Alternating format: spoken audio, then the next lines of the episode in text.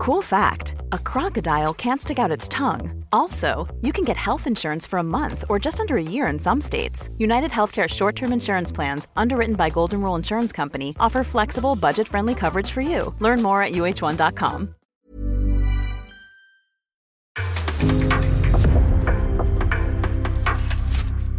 En podcast från Aftonbladet. Let's pretend!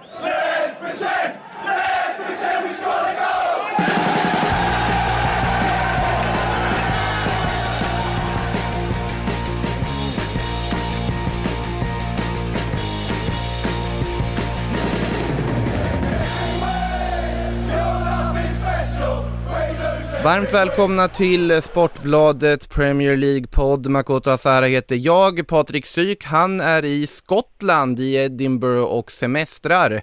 För han har ju sånt där påsklov. Eh, vi tar ju dock inget påsklov så att eh, Frida, du är ju med i sedvanlig ordning. Välkommen hit! jag är inte där, men tack. Nej, nej, inte där, nej, inte där, men alltså välkommen in i den liksom virtuella poddstudion, vad man ska kalla det, får man väl säga. Ja, nej men precis. Tack så mycket. Det känns bra. Eh, vi ska väl lösa det här även utan Patrik Syk. Eh, vi ingen aning om vad han känner om Liverpools insats. Det man såg var väl att han ändå var mer positivt inställd till den än vad många andra var i Liverpool-kretsar. Men överlag, ja vi börjar ju såklart med Manchester City-Liverpool, det finns ju inget att snacka om där. Att, ja, 2-2, fantastisk underhållning. Ja, Frida, du var ju på plats på Etihad också. Berätta om dina intryck därifrån. Ja, nej men vilken, eh, ja, men vilken fantastisk upplevelse från start till mål egentligen. Det märktes ju att den här matchen var otroligt upphypad. Det var så otroligt mycket folk överallt. Alltså då menar jag inte bara på läktarna utan det var helt fullpackat i den här flashzonen där alla journalister eh, ja, alltså postmatch interviews och sådär görs. Eh, hela pressrummet var, var fullpackat med eh, ja, men, eh, en massa gamla fotbollsspelare och Rafa Benitez som eh, käkade fish and chips eh, innan matchen. och, eh, det fanns mycket, mycket att titta på. Man kunde verkligen känna att det var någonting väldigt, väldigt stort på gång. Och det är ju inte ofta matcher lever upp till hypen på det sättet. Men det gjorde ju faktiskt den här, i alla fall första halvleken. Då satt man ju bara helt stum i, eh, i halvtid och tänkte vad var det man hade sett? För att det var så mycket som hände. Jag vet inte om du hade samma intryck hemma från tv-soffan.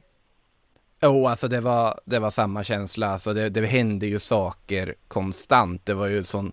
Alltså för de här toppmatcherna brukar ju vara att det blir tillknäppta tillställningar, man är mer rädda för att förlora än att vinna lite. Såklart det fanns vissa sådana tendenser på, på Liverpool kanske framförallt, men alltså överlag vilken enorm underhållning och vad den levde upp till de upphausade förväntningarna och det, bara det var ju någonting som, ja det, det gick igenom tv-rutan också. Ja, alltså det är egentligen svårt och man vet knappt var man ska börja i själva matchen. Men det man kan konstatera är ju att det, jag, jag var lite, mm, lite nyfiken eftersom att det, det har känts som att man sitter och mött Liverpool nu i, i ligan under de här två mötena som båda två har varit oerhört underhållande. Så har det känts som att City har spelat betydligt fler långbollar än vad de vanligtvis gör. Alltså ett betydligt rakare spel, alltså lite grann som Liverpool egentligen. Och det har de också sett till statistiken då att de slår fler långbollar mot Liverpool än mot många andra motstånd. Med ett undantag och det är mot Burnley av någon anledning. Eh, mot, mot dem slog de typ sådär 47 långbollar, alltså accurate passes räknar man då. Alltså som, som Mm. faktiskt går till rätt adress. Så att eh, nej, det, det var bara en sån där liksom, liten intressant eh, eh, ja, liten intressant detalj som jag noterade. Men eh, ja, de spelade i alla fall ett, ett väldigt rakt spel med oerhört hög kvalitet. Och under första halvleken där så ska de ju göra fler än de två målen Ja. som de får in. Alltså det, ska ju kunna, det hade ju kunnat stå, de hade ju kunnat få in fem mål i den halvleken. Och det är starkt av Liverpool att ändå få till den där kvitteringen för att Ja, och sen så inte minst om man är att, liksom bara sekunder efter man har inte ens hunnit sätta sig till rätta inför andra halvleken så kvitterar han till 2-2. Så är starkt av Liverpool att komma tillbaka sådär två gånger om. Men eh, man var ju inte förvånad över att City kände sig besvikna då efter matchen och Mares, inte minst där med minuten kvar, när han ju faktiskt har möjlighet att bara lägga in bollen. Och sen så gör han lite grann som han gjorde då för ett par år sedan när han missade den här straffen mot, eh, eh, ja, alltså som gick högt, mm. högt över och matchen slutade 0-0. Så att eh, han får väl bara hoppas på att det här inte leder till att Man City tappar titeln. Men det finns ju fortfarande titelrace där eh, tack vare det här resultatet. Alltså jag tycker ändå sett till situationen, alltså det känns ju som att Mares tog brännet läge, det gör han ju också, men att ta chippen i det här läget tycker jag ändå är rätt beslut. Alltså för att det är, det är ganska lite vinklar, han har det väldigt bra försvarsarbete när de kommer in och täcker den situationen efter den första dribblingen. Sen får han väl lite ja, stort huvud i stunden när han försöker sig på den lobben, men samtidigt, den kändes rimlig i det här läget och det hade ju varit ett genidrag om den hade varit lite bättre utförd än vad den var. Men eh, ja, han lär ju gräma sig oavsett över den missen. Jag vet jag tror kanske jag är lite påverkad också, för jag tyckte det var flera gånger under den här matchen, särskilt mm. från mm. Gabriel Jesus, som jag tyckte var girig. Ja. Han hamnade ju i bra lägen flera gånger om och väljer att gå på eget avslut jämföra det lite med Dejan Kulusevski i Tottenham som alltid mm. söker en lagkamrat istället för att skjuta själv.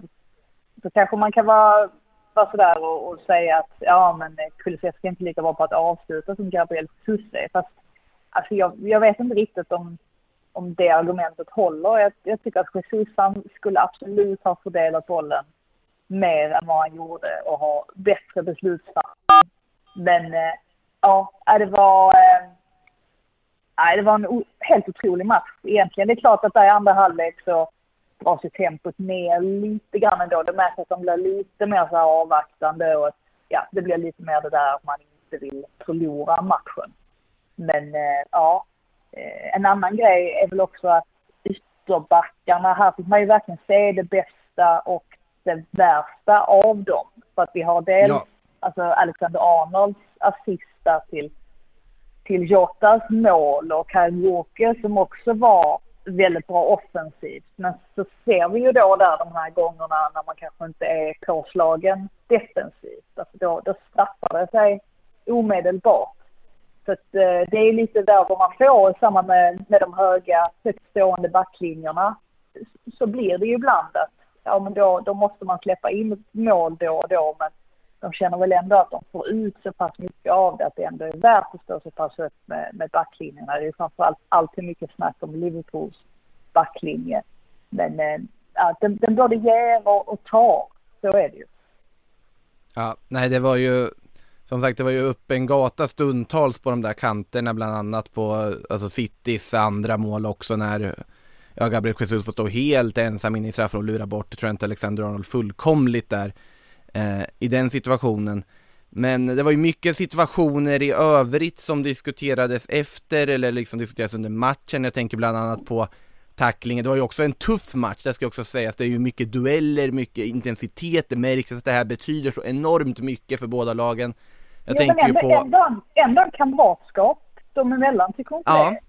Alltså jo, hela alltså... det här att, ja men liksom att man tar, men när, eh, när van Dijk när han tacklar eh, Kevin De Bruyne och de ja. bara vänder sig om och kör en fistbump eller vad de gjorde för att De Bruyne kände liksom att ja, jag hade gjort samma sak om jag hamnade i den situationen som du gjorde. Så jag tyckte ändå att det fanns ett liksom, kamratskap dem emellan, vilket gör också att hela den här diskussionen om huruvida det här är den bästa rivaliteten i Premier League. Alltså det är ju de två bästa lagen i Premier Leagues historia. Det måste man väl ändå kunna slå fast. Men den där rivaliteten saknas ju dem emellan. De, de hatar ju inte varandra, om man säger så. Nej, alltså just rivalitetsmässigt finns ju ingen historia kopplat till det förutom nutida på att de är så pass fruktansvärt bra och överlägsna båda två som de faktiskt är och varit de senaste åren.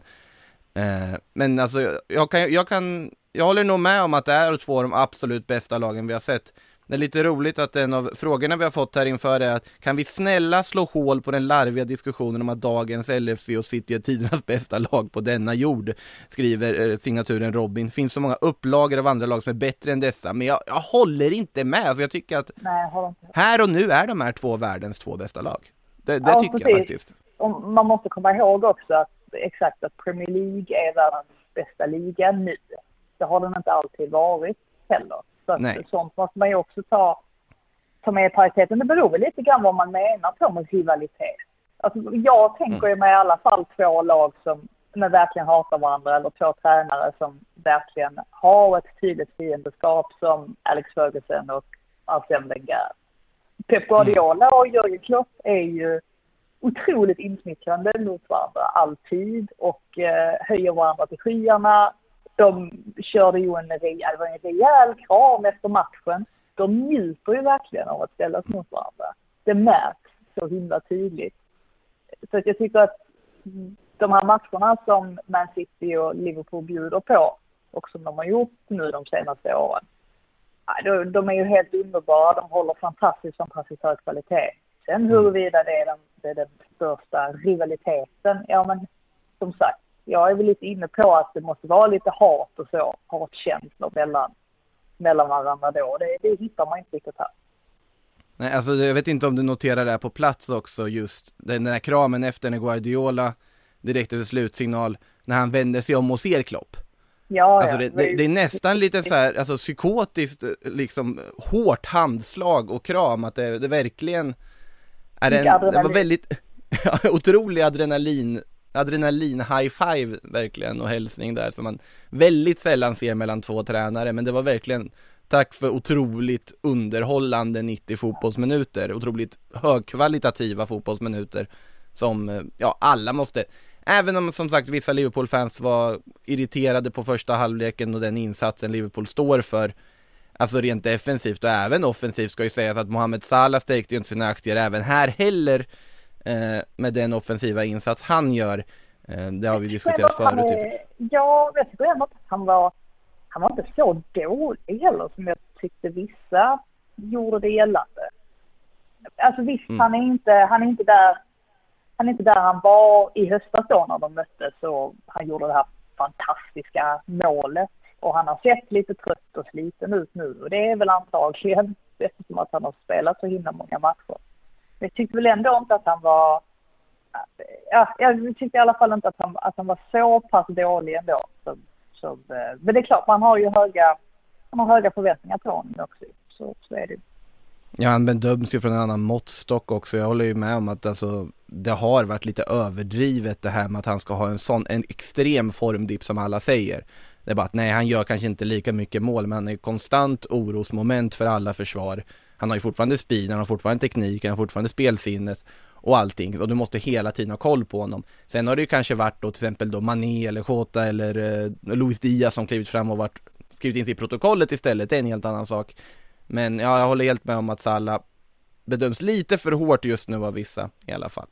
Ja, men jag Eh. tycker mer liksom att han, han noterar sig upp på assisten här också. Sen var ju jag inne, jag kan inte vända kappan efter vinden heller. Jag var ju till och med inne inför den här matchen och sa att ja, men sett till formen så kanske Salah inte förtjänar att spela. Utan ja, det kanske Mm. skulle vara Bruno Diaz som kliver in till vänster och, och Diogo Jota och Sadio Mané då.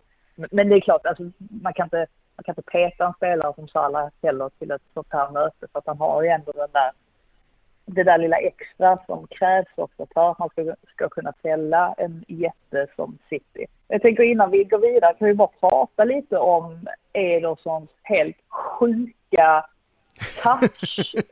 Alltså att han inte får, att han inte får hjärtklappning. Eller om, han, om det är så att han inte fick hjärtklappning där, då är han inte normal överhuvudtaget. Men Han måste ju varit, han måste ju varit liksom stressad i situationen, men sen, alltså han är ju så fruktansvärt bra med fötterna också.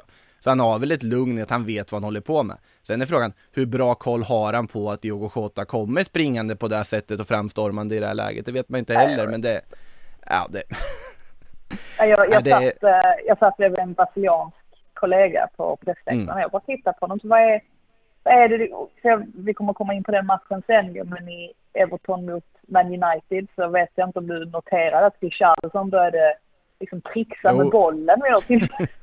Man bara tänker, vad är det för fel på er brasilianer? Ni kan inte, ni kan inte göra, ni kan inte spela fotboll som om att ni är på en strand eller på Copacabana. Alltså det, nu måste ni, eh, ni måste ju ta er samman. Men ja, det är lite flashigt också ju. Det, det hör väl till underhållningen på något sätt. Jag har följt eh, Marcello i över ett decennium så att jag vet ju liksom, jag är ganska van vid det där med att göra underliga beslut och lösa situationer på det där sättet ändå. Ta, som, som till synes vågar alltså i det där fallet så han ju löser det på bästa sätt liksom. Han vet att han kan slå den där passningen och gör det också. Eh, är det, eh, jag tänkte innan vi, eh, vi springer iväg från den här matchen, finns det extremt mycket mer man kan ta upp. Alltså, en, en grej jag reagerar på också, finns det någon spelare i Premier League som firar sina mål så pass återhållsamt som Sadio Mané? Alltså han ser ju aldrig glad ut när han har gjort mål. Här gör han ett jätteviktigt 2-2 mål och det är som att, ja det var mål på träning. Han såg ju likadan ut när han gjorde mål här i, i Champions League också i veckan så att eh, det är fascinerande ja, hur lugn han är alltid. Det skulle väl vara Anthony Martial då. Det var ju ett tag sedan man såg honom göra mål i Premier League ja, det... dock. Men han är ju också alltid ganska bister. Eh, har ett bistert ansiktsuttryck. Så det, det kanske är han då.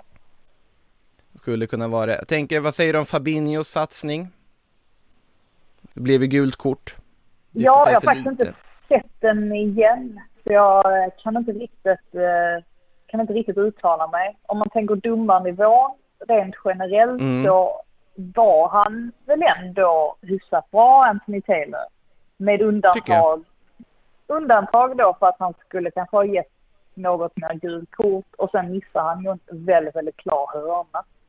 Det var det, var det man noterade. Men i övrigt tyckte jag väl ändå att han, han höll ändå någorlunda, eh, ja men han var ändå ganska bra balans och sett till då att han hade fått så mycket kritik på förhand, eller han nödvändigtvis, men att de hade valt ut honom till den här matchen fick ganska mycket mm. kritik. Mm. Om man tyckte att Michael Oliver kunde ha, kunde ha skött den istället. Men eh, det, det sjöngs bara någonting om Manchester Bastard en gång under matchen. Det var i samband med att han missade den hörnan. Så det, det får väl ses som en liten seger för honom också. Nej, jag, just den situationen där, jag tycker man kan argumentera för rött, men alltså i en sån här match, jag, jag köper det gula på något sätt. Jag håller med om att alltså, nivån överlag var ju bra. Den tillät ju också den här den här matchen vi kommer att komma ihåg ett tag och som dessutom håller liv i titelstriden. Eh, det om titelstriden. Det finns ju en annan strid samtidigt, striden om Champions League-plattorna och den har ju tätnat efter att Arsenal verkligen hamnat i någon form av svacka. Först då det här 0-3 förlusten med Crystal Palace under måndagen och sen då skulle de försöka studsa tillbaka hemma mot Brighton. Du var ju även där på Emirates Stadium. De studsade ja, inte tillbaks. Nej, vilken helg jag har haft för övrigt. Ja, du, eh, ingen dum helg. Nej, man, man tackar och tar emot. För det var ju två, två väldigt intressanta matcher på väldigt olika sätt. Och det man reagerade först på var ju att eh, jösses Graham Potter, vad, vad har du nu hittat på? Alltså när startelvorna släpptes. För jag kunde för mitt liv inte få ihop den startelvan och tänkte att nu har han, nu har han, nu är det sådär Graham Potter masterclass vi kommer få se igen. Och mycket mm. riktigt, för att han spelade ju då med Dels så fanns Caicedo med i startelvan som ju var det mest överraskande. Mm. Men han hade också Bissoma, Mwepu och Grås. Man hade ganska svårt att se hur man skulle få ihop den här elvan. Så det blev ju då en trebackslinje. Och så Caicedo, Bissoma Mwepu som, som låg ganska tätt. Grås som låg lite mer ute till höger och ganska högt upp också, nästan som att han var en extra en extra, eh, ja man ska, typ som en wingback då mm. och nästan låg lite högre också så att han nästan var en ren ytter och så Trossard då som, ja men snarare var en, en ytter och nästan låg och slickade vänsterkanten och så med Welbeck då centralt och McAllister som lite släpande bakom. Och det gjorde ju Potter självklart eftersom han visste om att Arsenal hade de här skadeproblemen, att Thomas Partey är borta, ser ut som att han kommer att bli borta åtminstone någon månad. Och Arteta har en tendens att vilja sätta ner Granit Xhaka på vänsterbacken som ersättare mm. till Kieran Tierney som nu blir borta resten av säsongen. Och jag tänkte att det här, kom, det här kommer att bli ett stort misstag och det blev det också för att Lokonga klarade inte av att kontrollera centralt ihop med Ödegård och Smith Rowe som stängdes av helt av att Brighton hade de här tre bjässarna centralt. Mm. Så att redan där så vann ju Brighton på något sätt matchen under första halvleken. Nej, de skapade inte jättemycket, men det behövde de inte heller eftersom att inte heller Arsenal lyckades bygga upp sitt spel eftersom det var helt låst centralt.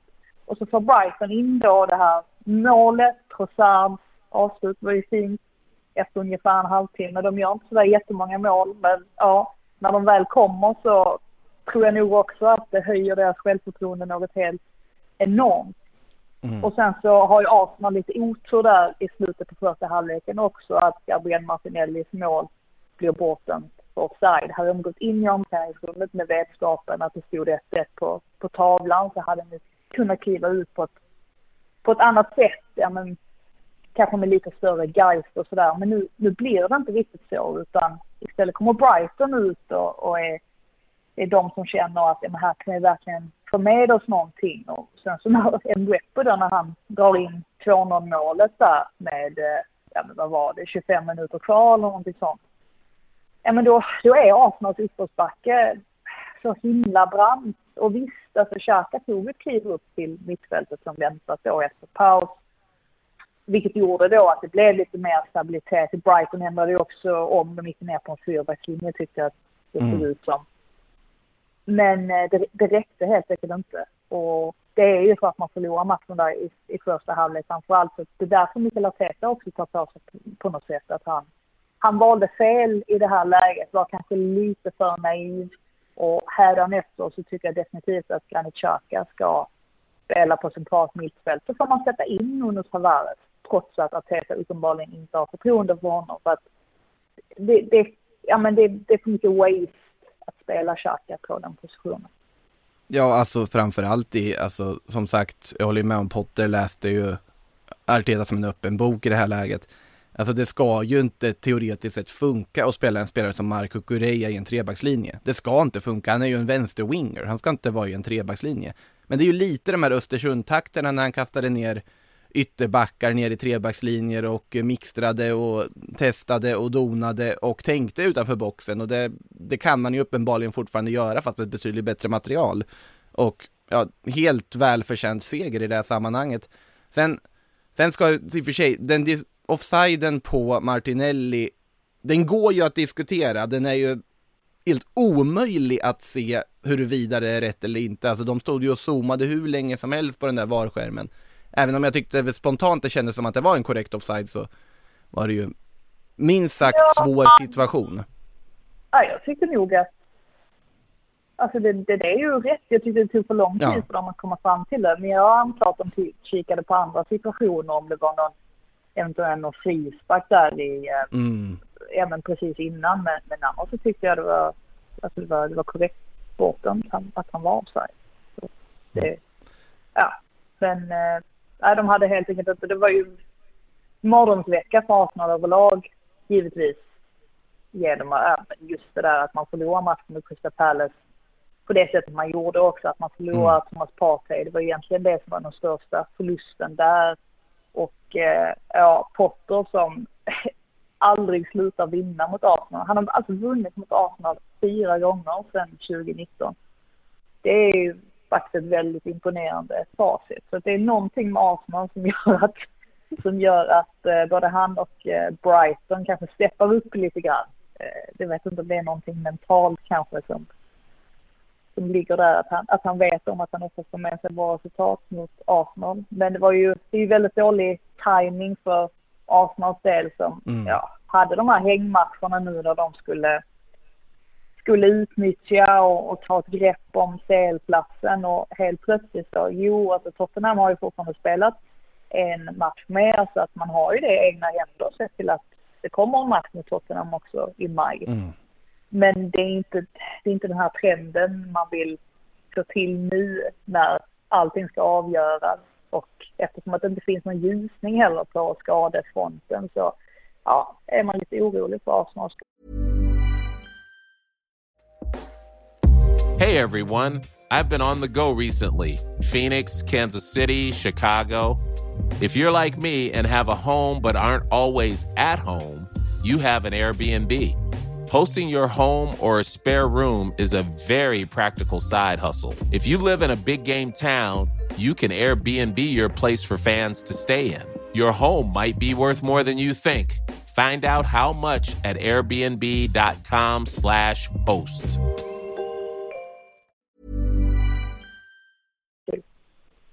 Vi satt ju nästan här i, för en vecka sedan och skämtsamt sa att hängmatcher ska man vinna också och tänkte att ja men såklart de löser och fixar sin, på sina poäng mot Palace och Brighton som kommer nu. Men ja, det, det går väldigt fort, det kan man ju säga, för nu är ju känslan snarare att allting pekar åt Tottenham. Alltså på sätt om Partey är borta, Tierney är borta, som sagt, det, det är ju uppenbart att Arsenal Arsenal-bygget inte fungerar utan vissa av de här pjäserna. Och det är, Nej, det är ju all anledning...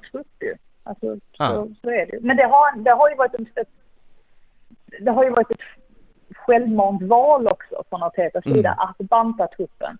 Och eh, det kan säkert vara så att, att det var bra på, alltså just där och då, att det var en bra idé att liksom få bort spelare som kanske inte får spela tillräckligt mycket och Mm. att man, man får liksom väck ett, ett visst missnöje och sådär. Men just nu hade det varit väldigt bra att ha åtminstone någon ytterligare spelare och, och kunna sätta in. Men ja, det, det är så det är bara. Ja, men det, det håller jag med också om att det är, det är ju så underligt att Xhaka inte går in på det där mittfältet i det här läget, för det är uppenbart att, alltså Nuno Tavares tycker inte jag är dålig. Tycker det, det är en spelare du har värvat som du borde ha någon form av förhoppning på att spela honom. Ja, och Eh. sä- säkerhetsrisk defensivt. ju. Alltså båda de Ja. matcherna där han, där han har blivit avtagen innan halvtid. Ja, i alla fall att han inte har fått spela andra halvlek. Det har ju varit Mm. Arsenals två absolut sämsta matcher den här säsongen. Dels då mot Nottingham Forest som var under all kritik och så då Crystal Palace där man står på hälarna från sekund ett och så kommer man inte in i matchen Mm. efter det. Så att jag har ju förståelse för att han inte litar på Nunes Tavares. Men jag tror också att han har, han har lite grann sänkt honom mentalt också i det här att han har blivit avtagen dubbla gånger nu. Jag tror inte att man mår bättre av det som spelare i alla fall. Och nu behöver de ju verkligen honom för att han värvades in för att vara en backup till Quarantini. Så då, då vill man ju kunna få användning för honom också. Men ja, vi får väl se om, om han får större förtroende hädanefter. Mm. Eh, några som däremot eh, har gott självförtroende och bara stormar fram just nu, det är ju Tottenham. Åkte till Villa Park för möta med Aston Villa, får med sig en 4-0 seger därifrån. Hyun Min Son i målprotokollet igen. Eh, Hattrick dessutom från eh, Son som såg alldeles lysande ut i den här matchen. Men vi måste ju börja vid Dejan Kulusevski ändå. Alltså, va, va, Ja, det är vad det för impact han har haft? Ja, det är nog inte bara vi. Alla pratar om det, Kulusevski. Mm. Mm. Vart, man än, vart man än vänder sig. Så till och med någon tidning som utbrast, har vi sett ett bättre januariförvärv någonsin i Premier League? Och jag kan väl tycka att Bruno Fernandes var ju hyfsad han också när han kom i januari till Det var. Manchester. United. Det var han. Så det, det, det kan diskuteras ändå, men Kulusevski är ju definitivt ett av de bästa januariförvärven vi har sett. Det råder ju ingen tvekan om det med tanke på vilken otrolig, ja men vad säger man, alltså vilken otrolig effekt han har haft på, på Spurs anfallsspel. Och det, det är klart att det, det är mycket Harry Kane och det här att han får ha den här playmaker-rollen. Men Mm. det möjliggörs ju av att han har Son och Kulusevski att, att sätta bollen till. Och det var kul också för Kulusevski att få göra ett mål också för att det är ju Mm. att han är assistkung. Men nu har jag faktiskt gjort en, en handfull mål också vilket säkert är, är, skönt för hans del att han visar att han är, är mer än bara en framspelare. Så att eh, ja, lite grann den här känslan ändå i matchen för att Ugo Lloris gör ju åtminstone sju väldigt viktiga räddningar redan under första halvleken. Mm. Och Aston Villa var ju faktiskt ganska bra. Jag vet att Gerard sa det också efter matchen att han var stolt i halvtid när det fortfarande bara stod 0-1 och tyckte att ja, men Aston Villa var bra med i den här matchen. Jag vet inte om det är lite samma sjuka här som även Newcastle drabbades av att man kanske kliver ut i halvtid och känner att ja, men här har vi en chans, vi måste fortsätta liksom sätta press på, eh, på deras backlinje och, och vinna bollen snabbt. Vilket gör att man då kanske öppnar upp sig lite under andra halvleken. Och då blir man straffad direkt. Alltså om Harry Kane får minsta lilla yta, det räcker att han liksom får, han liksom får nicka bollen i djupled. Ja men då kommer det, kommer det dyka upp en, en chans och när de väl får chanser så missar de sällan. Och det är lite grann det som händer här, att det bara blir Ja, men det blir som att eh, som bara öppna ett varenda vattenfall. Att kommer, så kommer tvåan där och sen så kommer trean och sen så kommer fyran ganska snabbt efter det och så har Tottenham vunnit matchen. Så att en märklig match för Aston Villas del som ju ändå som sagt kände sig väl nöjda fram till den 50 minuten där. Men det är så det är att möta Antonio Contes Tottenham. Och det borde vara oroväckande för Arsenal, tror jag. För att Tottenham, så som de öser in mål samtidigt som Arsenal inte gör det. Alltså Lacazette, det var ett bra tag sedan vi såg honom göra något från öppet spel nu. Ja, det, det, Det var länge sedan. Ja, ja, men det borde oroa i alla fall.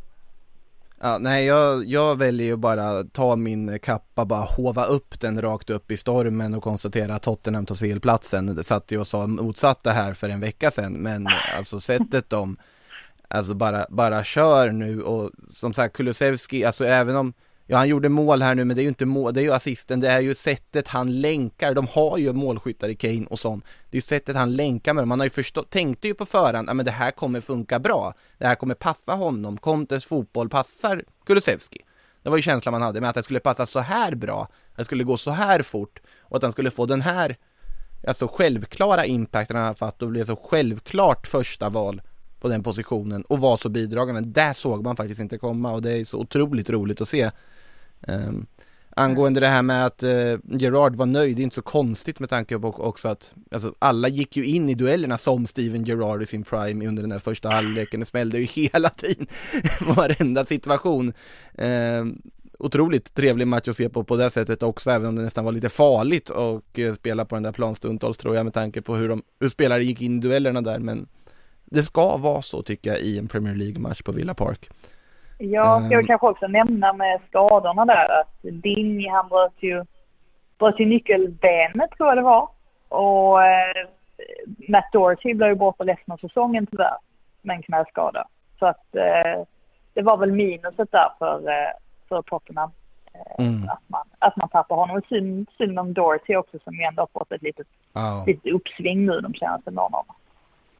Nej, tungt för Doherty och eh, tungt går det även för Manchester United och då går vi väl till elefanten i rummet som sitter här. Eh, för vad är det som sker i Manchester United just nu? Det är ju det man måste fråga sig. Till att börja med, Everton tre blytunga poäng att få de här med den här 1-0-segern. Det finns mycket bra man gör.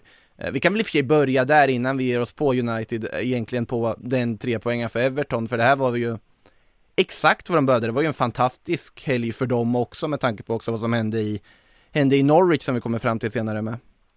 Ja, jag var jätteimponerad av Everton i den här matchen. Mm. För jag, just, just den mentala biten av det hela, alltså det psykologiska spelet. Det är mycket det som har diskuterats kring Ever- Everton och det här med att ja, men de gör sina misstag och så känner de väl att ja, men liksom de går ner sig lite grann och sen så sätter det sig i bakhuvudet och att det främst har handlat om det, alltså själva självförtroendet som har varit det stora problemet kring deras formdipp. Och här visar de ju verkligen, alltså de, de går samman, de vill inte göra misstag, de liksom kastar sig fram och, och blockar skott. Det fanns en vilja som man definitivt måste hylla Frank Lampard för. för jag tycker lite grann att man glömmer bort det alltså kring en tränare, att en tränares främsta uppgift är att motivera sina spelare. Jag tycker man har glömt bort det i Ralf Ragnik-diskussionen också att Eh, Ja, men självklart så är det spelarna, de har också ett visst ansvar att de måste steppa upp. Men det är ju den personen som står längs linjen som ska få dem att vilja göra det. Och det är uppenbart att Frank Lampard ändå har spelarna ombord. Och det är ju faktiskt det viktigaste när man, ja, när man kämpar för ett nytt kontrakt där nere. Man verkligen måste se till att gå samman som en grupp och det gjorde man verkligen här. Sen tror jag ändå att det här första målet från Anthony Gordon efter knappt halvtimmen, det kommer i ett ganska bra läge där Man United kanske ändå har ident- identifierat vissa brister hos Everton, ja, bland annat på, på vänsterkanten. Men Everton hittade också en bra balans på sitt mittfält, alltså med eh, Fabian Dells och eh, Allan som låg lite längre ner, sen så Iwobi också Mm. som gör en bra match. Så att, eh, nej, men all, all heder till Everton för den här segern eh, ja, men inte bara det att de verkligen, verkligen behövde tre poäng utan att, ja, men att det såg ut som det gjorde ändå. Och inga misstag. Det var ju det viktigaste. Pickford väldigt bra också. Många Strålande match av Pickford, eh, Ja. verkligen. Eh, må, måste vi var inne på det lite förut också och man fick se Richarlison jonglera boll också. Ja, men han, han, är, men han, han, där ser man ju också att han är inte smart i alla lägen heller. Alltså där i andra halvleken när det är sådär en kvart, tio minuter kvar, men då gäller det ju bara att försöka hålla i bollen. Ibland kan jag tycka att hans beslutsfattning i de lägena, tänker jag, det är, alltså, det är lite sådär valp, valpiga tendenser ändå i att då ska han ta sig förbi två motståndare och så tappar han bollen och så får United hålla i den igen. Så tänker jag, men herregud, bara bara se till liksom att, att ni får behålla den inom laget. Och det där kan han jobba på. Eh, trixandet, ja jag vet inte. Så, så länge så, så, så, länge han befinner sig så högt upp och så på en kant så att han inte är rakt framför målet så får man kanske vara eh, ja, får man kanske vara glad över det lilla så att säga. Men eh, det är spektakulärt att titta på i alla fall. Jag, jag, jag älskar ju sån där typ av eh, showboating, men eh, alltså jag vet att i Viasat-studion här i Sverige så Jonas Olsson sa väl indirekt att om han hade varit på planen så hade han nog sparkat ner Richarlison i det här läget när han började göra. Det var väl indirekt sa fall. Var det även om de var på samma lag? Eller vad nej, menar? Inte om, de var på, nej, inte om de var på samma lag, alltså som förs motståndarförsvarare så kan man väl, du bjuder in till att få en viss form av tackling var väl ungefär det han sa. Man har liksom en förståelse om någon skulle gå in och bara hugga ner honom i det här läget. Eh, men ja, jag, jag, jag njöt av det i alla fall. Jag måste säga, man lider ju också, nu kliver vi över på United här, men alltså man lider ju med att det är Harry Maguire som styr in det där skottet. Liksom, vad ska han göra i det här läget? Och att det är just han som står där. Eh, som att det ja. inte var illa nog redan. Nej, men det... Det, det, det, kunde han inte... Det kunde han inte hjälpa, det målet. Nej. Även om det var, var många som försökte lägga det helt på honom. Eh, sen var han ju inte... Han var inte speciellt bra i den här matchen, men ja, det var inte jättemånga som var det. Egentligen den man tyckte var, alltså, som, ja men lyste starkast var väl Marcus Rashford. Då kände han ut ut, vilket också var lite förvånande. Man tänkte att jaha, okej. Okay. Ja, alltså när han väl när han väl visar lite lovande tendenser så är det ju faktiskt märkligt att plocka av honom. Men mm. jag håller ju fast vid att jag tycker att Ragnhild det är, det är ett fiasko från Man Uniteds sida att ha tagit in honom. Jag bryr mig inte om vad någon säger för att han har inte fått han har inte, han har inte fått ut någonting av detta. Han har sämst vinst procent nu av alla tränare sen Sir Alex Ferguson. Och eh, jag pratade med en som jobbar nära honom under gårdagens mm. match och som sa det att han är ju helt uppgiven nu att han, han ja, men spelarna har inget förtroende för honom överhuvudtaget och de eh, verkar inte speciellt glada i träningarna och de tycker inte att saker och ting är strukturerade på rätt sätt. Och det är väl kanske inte så konstigt då när man har en tränare som ja, men inte har varit huvudtränare för ett lag sådär speciellt många gånger utan främst har haft en sorts sportchefsroll, mm. då senast i ryska ligan. Men med facit i hand så det var inte mycket som pekade på att det här skulle bli bra. Även om alltså de flesta, ja men vad ska man säga, de flesta artiklarna och tyckerierna i media höjde det här som en smart rekrytering. Jag minns inte vad jag själv sa. Jag tror inte att jag var så hypad över det egentligen. Som många andra var. Främst väl då för att man inte hade så jättebra koll på Ralf Ragnik som just huvudtränare. Men det här har ju inte riktigt fallit väl ut får man ju säga. Men, ja, men United har ju redan kastat bort den här säsongen så att nu handlar det väl mer om att få rätt på ja, men, de framtida lösningarna och kring då vem som blir permanent ersättare. Nej men jag, det vet man hade ju sina alltså, reservationer för just det här med att ja, det man har efterfrågat i Manchester United tidigare har ju varit någon som har någon form av spelfilosofi, idé och ett system och det är ju Ralf Rangnick. Problemet är att du tar in honom på någon sorts diffus interimlösning där ja, till att börja med att han är tränare utan att ha, egentligen ha en sportchef. Han är en interimtränare som får ansvar för att sköta värvningar i vinterfönstret. Måste vara att de inte gjorde några värvningar i slutändan, men ändå. Eh, det är otroligt underlig rekrytering, det är ett underlig lösning i läget även om Ralf Rangnick har intressanta idéer, men då måste du ju ha en, alltså en klubb som Manchester United i den storleken är för stor för att ha en sån person som går in och bara ska styra allt på det sättet han, han kan göra det i Leipzig, absolut, men han, han har ju varit med och byggt Leipzig från grunden till där de är idag. Det är en helt annan sak. I en klubb som United så måste du ha du måste ha lite mer kött på benen än vad, vad Ralf Rangnick faktiskt har i det här läget och det är ju uppenbart att han har tagit sig vatten över huvudet. Och att United ja. har tagit sig vatten över huvudet i läget också tycker jag. Ja men precis, jag tänker att man kan kanske jämföra det lite grann med, eh, jag tänker när, när det gick så eh, knackigt för Ancelotti i Bayern München. Och var det Arjen Robben som började hålla privata träningar med, eh, alltså så här, hemliga träningar med, med lagkamraterna för att han inte var nöjd med Ancelotti. Och nu snackar vi ändå om Carlo Ancelotti med all den erfarenheten och titlar och ja, han tränar ju till och med Real Madrid just nu på väg mot en ny titel. Det är inget litet namn, men det visar ju att de här eh, toppspelarna är väldigt kräsna. Och jag kan tänka mm. mig att får de då inte som de vill riktigt eller att de känner sig inte bekväma med en viss struktur som en tränare försöker implementera. Ja men då, då kommer de sluta ja, men de, de, de, inte att de liksom kommer sluta försöka så nödvändigtvis, men jag tror att missnöjet kommer skina igenom. Och det har man ju sett här i, i United att ja, de, de har inte fått, fått ordning på det, Ragnik och, och hans team som dessutom är, är ganska oerfaret. Det är också Chris Amos, inte minst, som mm. ju var den som jämfördes med Ted Lasso.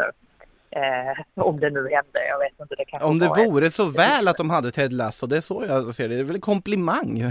liksom, ja. Han visste vad han höll på med trots allt.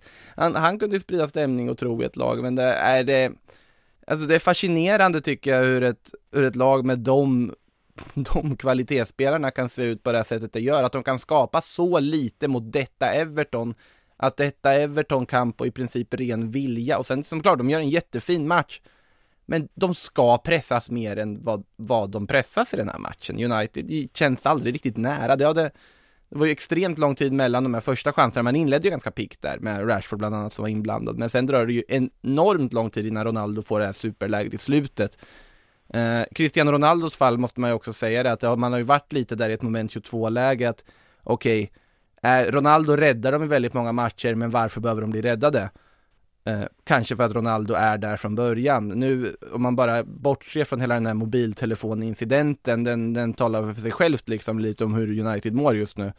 Så är det ju ganska tydligt att, alltså det är, alltså floppvärvning. Det är en floppvärvning på att det har brutit sönder det som ändå såg ut att vara någonting som, någonting som var spännande på gång, för det var det vi kände om United. Men det, nej det är otroligt oroväckande inför nästa säsong för att som Ragnik var inne på tidigare också det kommer krävas mer än ett transferfönster att göra om där. Att de sitter i den sitsen trots alla pengar man spenderat det är minst sagt oroväckande för nu är det inte ens säkert att man tar en Europa League-plats. Och det är ju egentligen, ja det är ju en mardrömssituation. Jag kan väl bara inflika att RB Leipzig försöker hijacka Erik Ten Hag nu, eller ja. Mm. Eh, de försöker locka till sig honom i alla fall. Så att vi får väl se hur allt det där slutar. Man trodde ju att det där skulle vara löst för flera veckor sedan. Men eh, det verkar som att eh, det fortfarande är lite grus i maskineriet eller några saker som ska behöva redas ut innan Ten Hag kan skriva på. Så vi får se vad som sker helt enkelt. Ja, precis. Eh, det läste de uppgifterna här också. Man kan ju förstå Erik Ten Hag om man tvivlar när han ser hur mycket jobb det är som faktiskt kommer behöva göras i det här laget för att få ordning på Manchester United. Manchester United som alltså, de kan ju missa Europa League. Det är, det är ju där man, alltså känslan är just nu. Om resultaten fortsätter på det här viset. Eh, några som dock absolut inte kommer missa Champions League, det vågar jag faktiskt slå fast för nu vänder den kappan också rakt av. Det är ju Chelsea som eh, Ja, till att börja med att verkligen få islossning. Sen Southampton gör ju sin, ja, årliga genomklappning. De har ju en per säsong. Dock inte en nia den här gången i bakåt i målprotokollet utan omvänt då en sexa bara. 0-6 mellan Southampton och Chelsea. Timo Werner i målprotokollet till exempel. ja, som vi hade räknat på för eh, någon vecka sedan och i alla fall jag hade väl någon lång utläggning om hur oduglig han var. Jag håller fortfarande fast vid att han har otrolig otur jämt. Jag menar visst, han gör en bra insats i den här matchen och två mål, men han träffar också virket tre gånger. Hur lyckas man med det? Det är det- bara han som lyckas med det. Det... Men eh, han, behö han behövde den här matchen 100 procent. För att lite grann studsa tillbaka och ja, få lite bättre självförtroende han också. Tuchel var ju väldigt nöjd med hans insats, vilket var viktigt.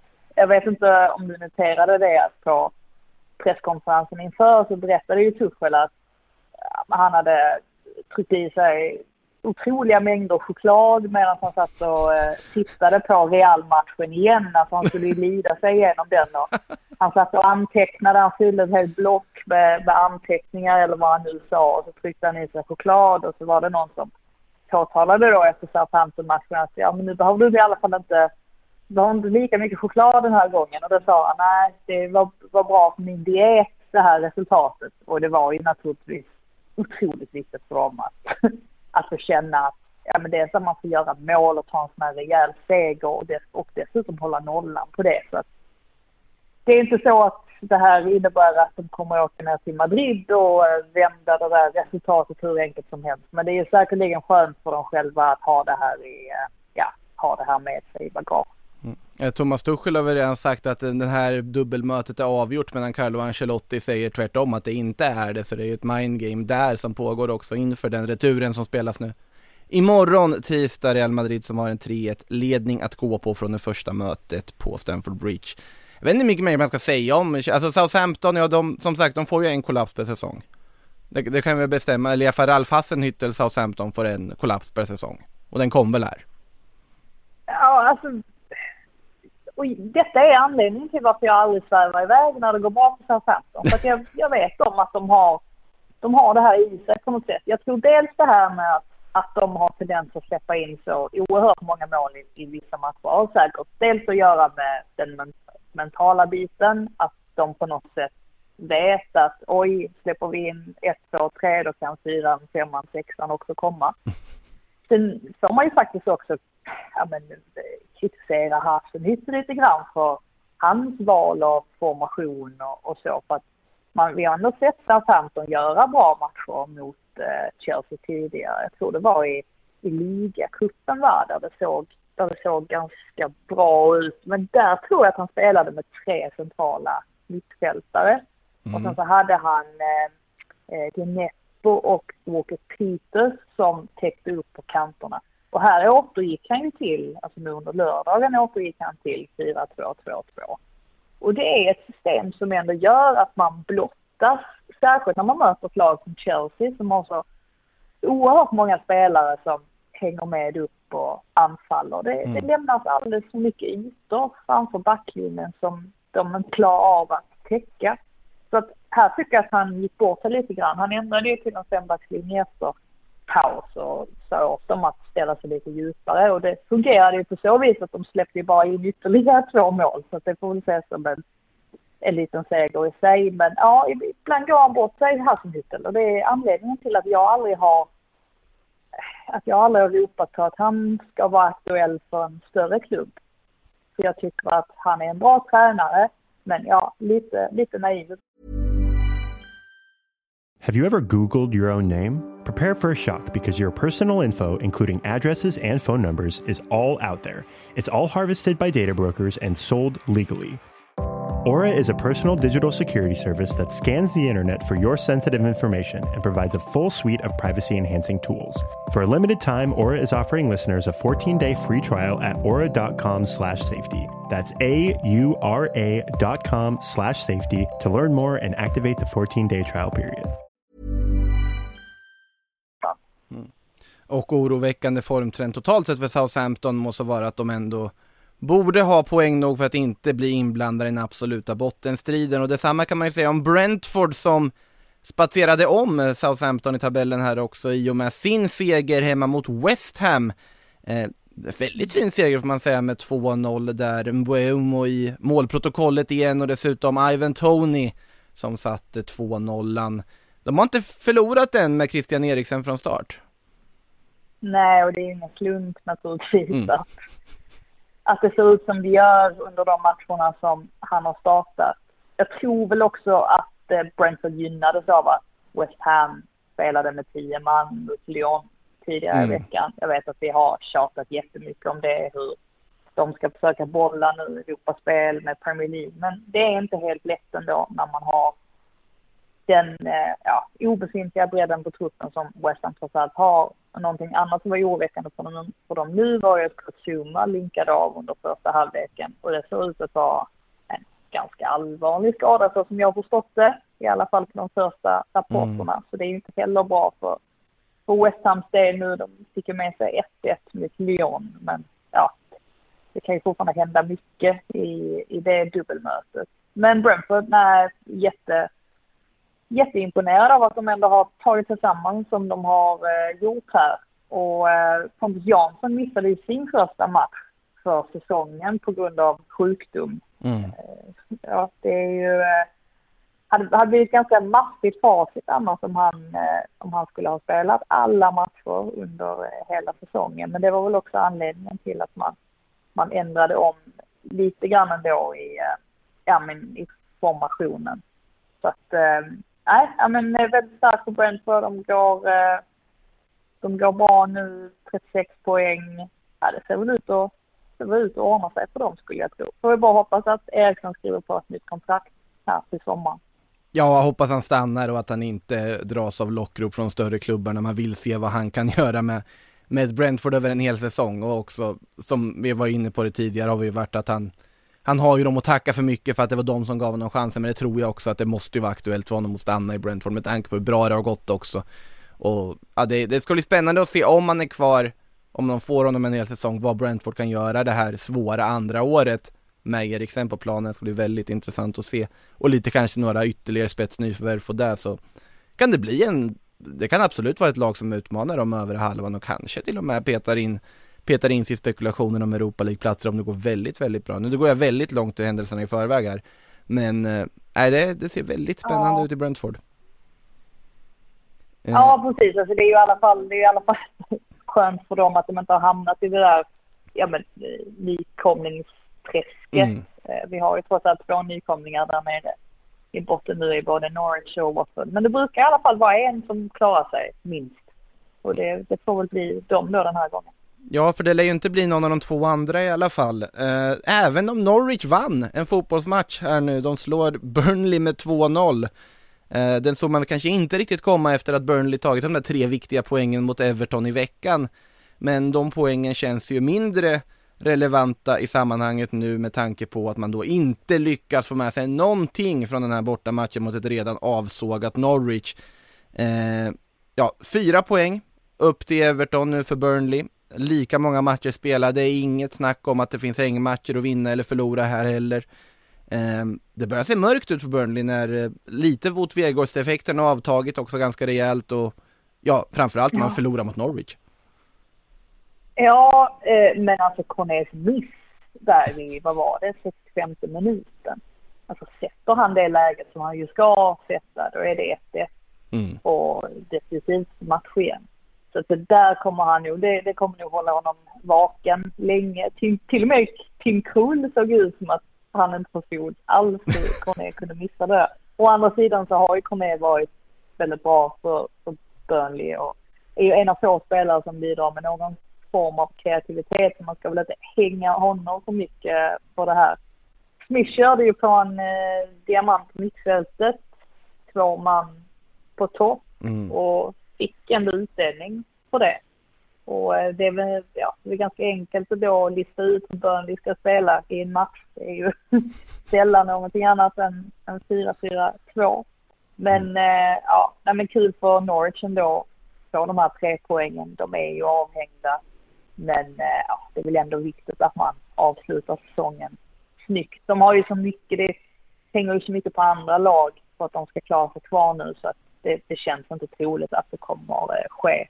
Men ja, de får helt enkelt eh, åka ner till Championship och så får de studsa tillbaka igen som de ju brukar göra. Ja, de lär ju, de lär ju vinna Championship överlägset nästa säsong. Det är ju det är helt uppenbart. Eh. ja, det får vi se.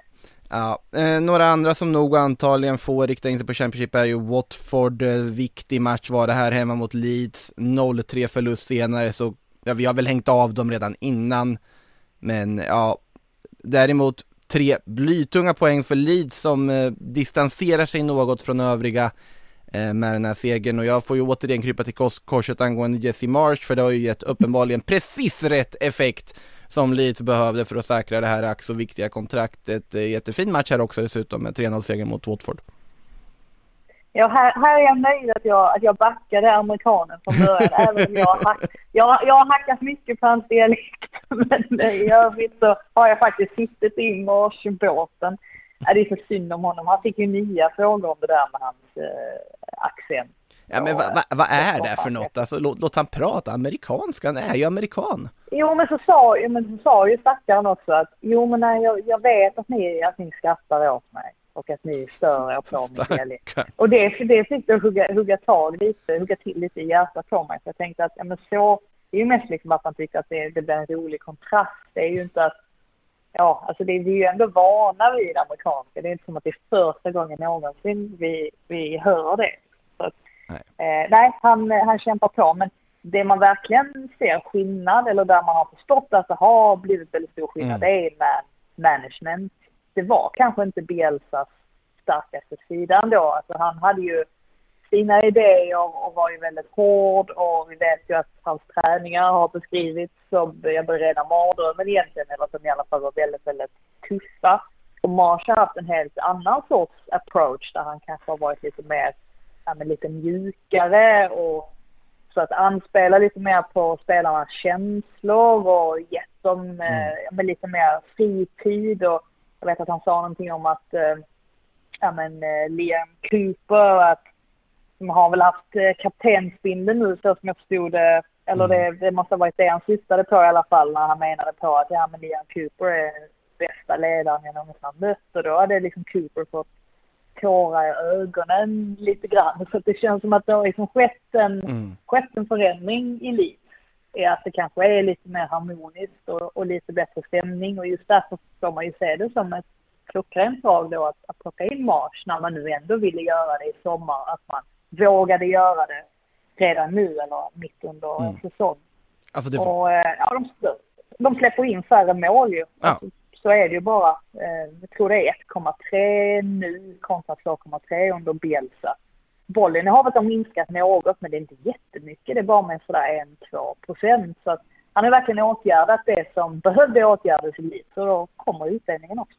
Mm. Alltså en spelare man märker på att det har gett effekt, till exempel Rodrigo som var ju bara en skugga av sig själv under inledningen sin elitsejour. Nu var han tre mål på fyra matcher. Nu har han plötsligt börjat göra mål igen. Uppenbarligen någon som mått mycket bra av det här tränarbytet, som Leeds i helhet har gjort. Vågat val, men med facit i hand, ett korrekt sådant också. Eh, vidare då ett annat lag som har räddat sig själva från en minst sagt prekär sits är ju Newcastle som vi väl sedan tidigare också har konstaterat nog kan börja sikta på att eh, värva både det ena och andra till sommaren med alla deras pengar. 1-0 seger här mot Wolverhampton under fredagen. Eh, ja, det, det är väl bara att spela av den här säsongen nu och sen så får vi väl se vad som händer i sommar för de kommer väl ryktas till typ ungefär 200 olika spelare, kan man tänka sig. Ja, nej men eh, Chris Wood fick ju ett mål bortom där för VAR-granskning men ordnade ju sedan straff och eh, kunde slå in den då till 1-0. Var ju faktiskt, jag var tvungen att kolla upp det, men det är ju faktiskt den tredje straffen som José Sa orsakar. Hyllat mm. honom jättemycket mm. under säsongen och tycker att han har varit otroligt stabil. Eh, väldigt bra ersättare till Rui Patricio. Men eh, ja, som sagt, tredje straffen. Han var väldigt upprörd efteråt. Jag tror framförallt att han var upprörd på att han inte fick bättre täckning. Så att eh, ligger väl inte lite, ligger väl inte helt på honom, de här, alla de här straffarna som han har orsakat. Jag vet mm. att den förra, kommer jag knappt ihåg, men jag vet att jag tänkte att det var inte, det var inte nödvändigtvis hans fel, alltså den situationen. Att eh, man inte kunde, till och med jag tog ut honom i veckans lag ändå, alltså det var så pass. Eh, I övrigt så, eh, Bruno Guimaraes, väldigt fredig i den här matchen, ligger ju ganska offensivt sett till sina kollegor där på mittfältet, men jag tror definitivt att vi kommer eh, få se mer av honom här efter för att han gjorde det väldigt bra.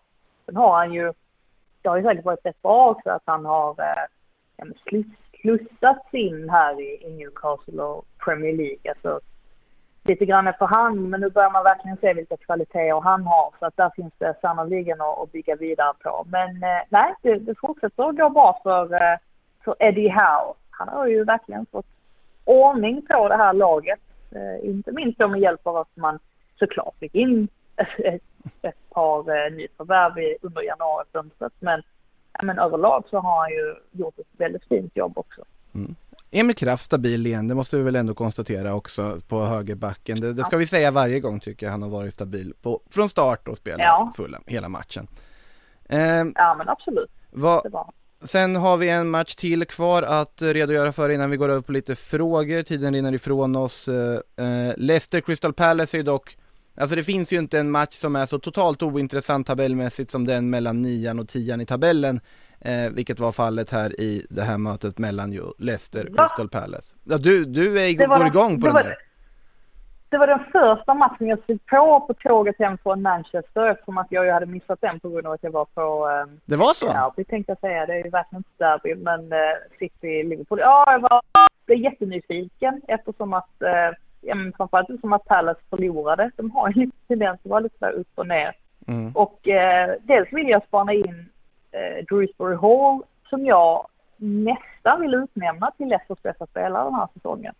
Han har, han har kommit från ingenstans mm. egentligen och ja, men, spelar ju för vänster i ett tremannamittfält eller på tremannamittfältet och han är en bra bollvinnare. Man kan också slå de här passningarna som den han slår till Luckman där, eh, mm. till hans mål. Man är nästan lite såhär Zidane lik och sen mm. hans eget mål gjorde, gjorde, du precis en, gjorde du precis en Dewsbury Hall Zidane jämförelse? Nu, nu håller jag helt med dig om att han har varit helt fantastisk, men kom nu får vi lugna oss här.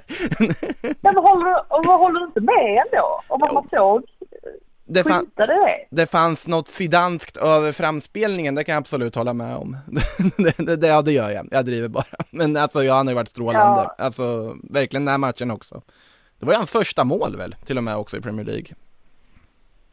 Ja, det var det kanske. Mm. Eh, oavsett eh, väldigt, väldigt, väldigt hög klass. Enda, ja, orosmoment för Crystal Palace var att Tarek Mitchell klev av skadad. Eh, det är inte bra inför semin här som, eh, som kommer.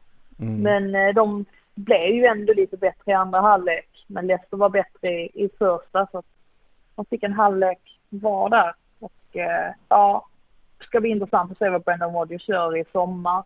Verkligen. Om man känner att han har tagit Leicester så långt som han kan eller om han blir kvar. Det skulle inte förvåna mig om han känner att, att han har gjort, gjort sitt jobb nu. Mm. Men ja, vi får väl se.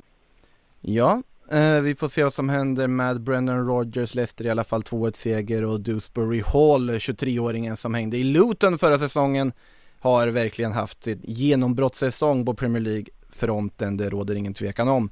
Vi ska dra lite frågor här innan vi stänger butiken för dagen. Kan börja med något nyhetsaktuellt. Gustav Brosell frågar Hur går det med försäljningen av Chelsea? Något nytt på den fronten? Vad, vad sägs borta i London? Nej, alltså det är, just nu vet vi inte riktigt hur processen, det är fyra kandidater som är kvar, och fyra bud, budläggare, budgivare som är kvar. Och det mm. absolut senaste är att det verkar som att alla fyra vill behålla Marina Kanovskaja som en sorts sportchef. Och hon har ju gjort det väldigt, väldigt bra i Chelsea de senaste åren, inte minst på rekryteringsbiten och försäljningssidan.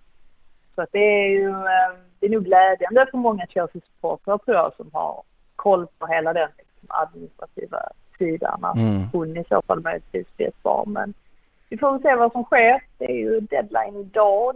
Um, så att uh, vi lär väl få veta mer nu under den här veckan som kommer. Mm, återstår att se vad som händer där.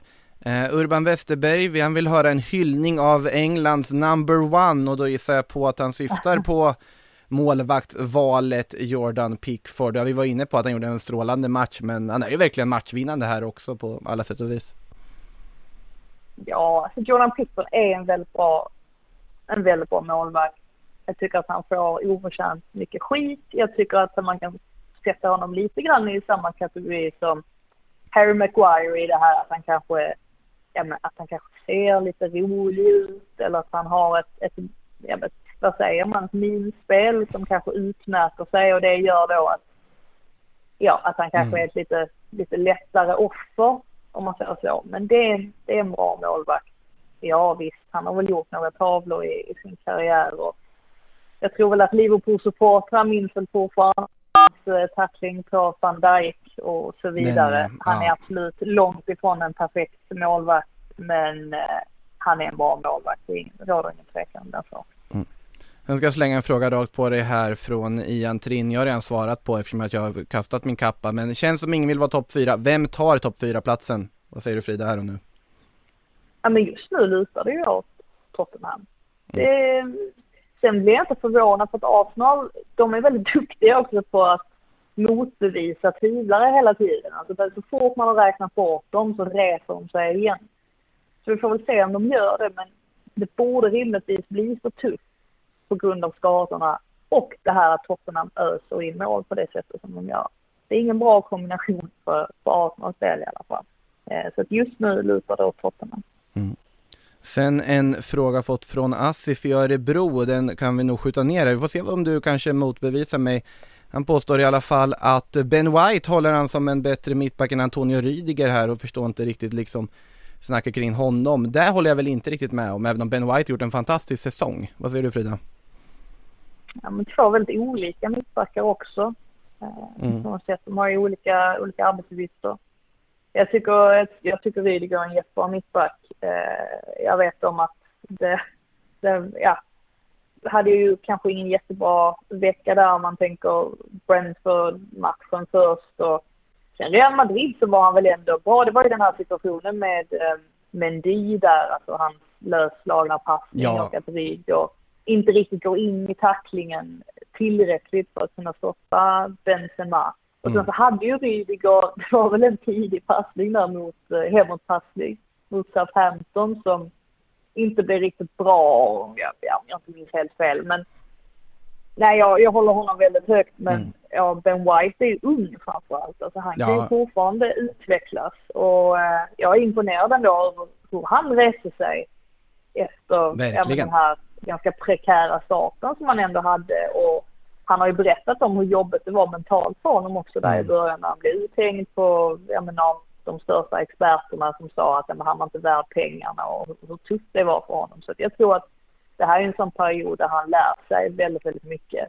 Så att eh, på sikt så eh, om något år så eh, tror jag väl eh, att Ben White har haft, att han har alla, alla möjligheter i världen liksom att klättra uppåt och bli en, bli en ännu mer etablerad och erkänd mittback. Vi kör en sista rak fråga innan vi avslutar. Johan Ekmark frågar, alltså han frågar ju vad fan hände med Manchester United och kaoset, det har vi ju pratat lite om, men raka frågan, tror ni Ten Hag skriver på? Jag säger att ja, det tror jag att han gör. Det är svårt att veta så. Ja, det beror... Nej, men alltså rimligtvis. Men eftersom att det har dragit ut på tiden så här och att det börjar pratas om RB Leipzig, Mm. då blir jag helt plötsligt lite osäker. Men eh, ja, jag säger väl ja också eftersom att det är ju, alltså det är ju inte, det ligger ju någonting i de här rapporterna. Att han är ju, det, det finns Ja. ett intresse från båda hållen. Men eh, ja, jag, eh, man kan inte ropa hej innan någonting är påskrivet. Om man säger så. Nej, det, är ju, det sägs väl att det också är just att, alltså pengafrågan är inget problem för varken Leipzig eller United i det här fallet, det är inte mycket pengar Ajax kräver för att man ska köpa loss honom. Men om man tittar bara på rent sportsliga projektet, det är ju inte helt uppenbart att Manchester Uniteds sportsliga projekt är mer spännande att ta över här och nu än Leipzigs. Men däremot så är ju Manchester United som klubb med där det innebär för din status, där det innebär vad du kan göra, hur Alltså den legacy du kan bygga som fotbollstränare om det går bra såklart och det måste du ju ha den inställningen att det kommer gå bra ifall du tar över ett jobb. Så det känns ändå som att den borde ändå väga över även om det är mycket tuffare jobb, mycket svårare jobb, mycket mer att göra med truppen som är befintlig här och nu och mycket mer press så känns det ändå som att det är ett mycket mer rimligt steg att ta än att gå från Ajax till Leipzig. Det känns som att Erik Ten Hag ska ta ett större steg än så. Så det känns ju ändå Här, här, här passar ju den största klyschan. Ja men du vet det här som experter alltid landar i. This is Man United. Alltså, det är ju där man, det är där man hamnar på något sätt. Att det är Manchester United. Får du frågan av dem så är det väldigt, väldigt svårt att tacka med. Mm. Just av av de anledningarna som du nämnde. Och det är ju därför vi är så hårda mot dem också, för att this is Manchester United. Det är, det är så enkelt det är, att eh, då, då kräver man vissa saker av en klubb. Vi får väl se hur de löser den här sommaren som kommer. Eh, och vi får väl se hur vi löser det. är ju Champions League i veckan nu i alla fall, så det är bara att börja ladda för det. Eh, stort tack för att du tog dig tid att hänga här med mig idag Frida, och eh, tack alla lyssnare. Så kommer Premier League-podden tillbaka på måndag igen. Sillypodden också i veckan, eh, oklart vilken dag dock än, men det, det, dyker nog upp i flödet även om Patrik Syk eh, semestrar i Skottland. Med det sagt, på återhörande, hej då!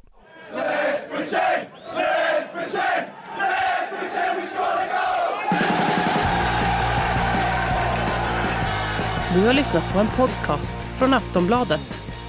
Ansvarig utgivare är Lena K Samuelsson.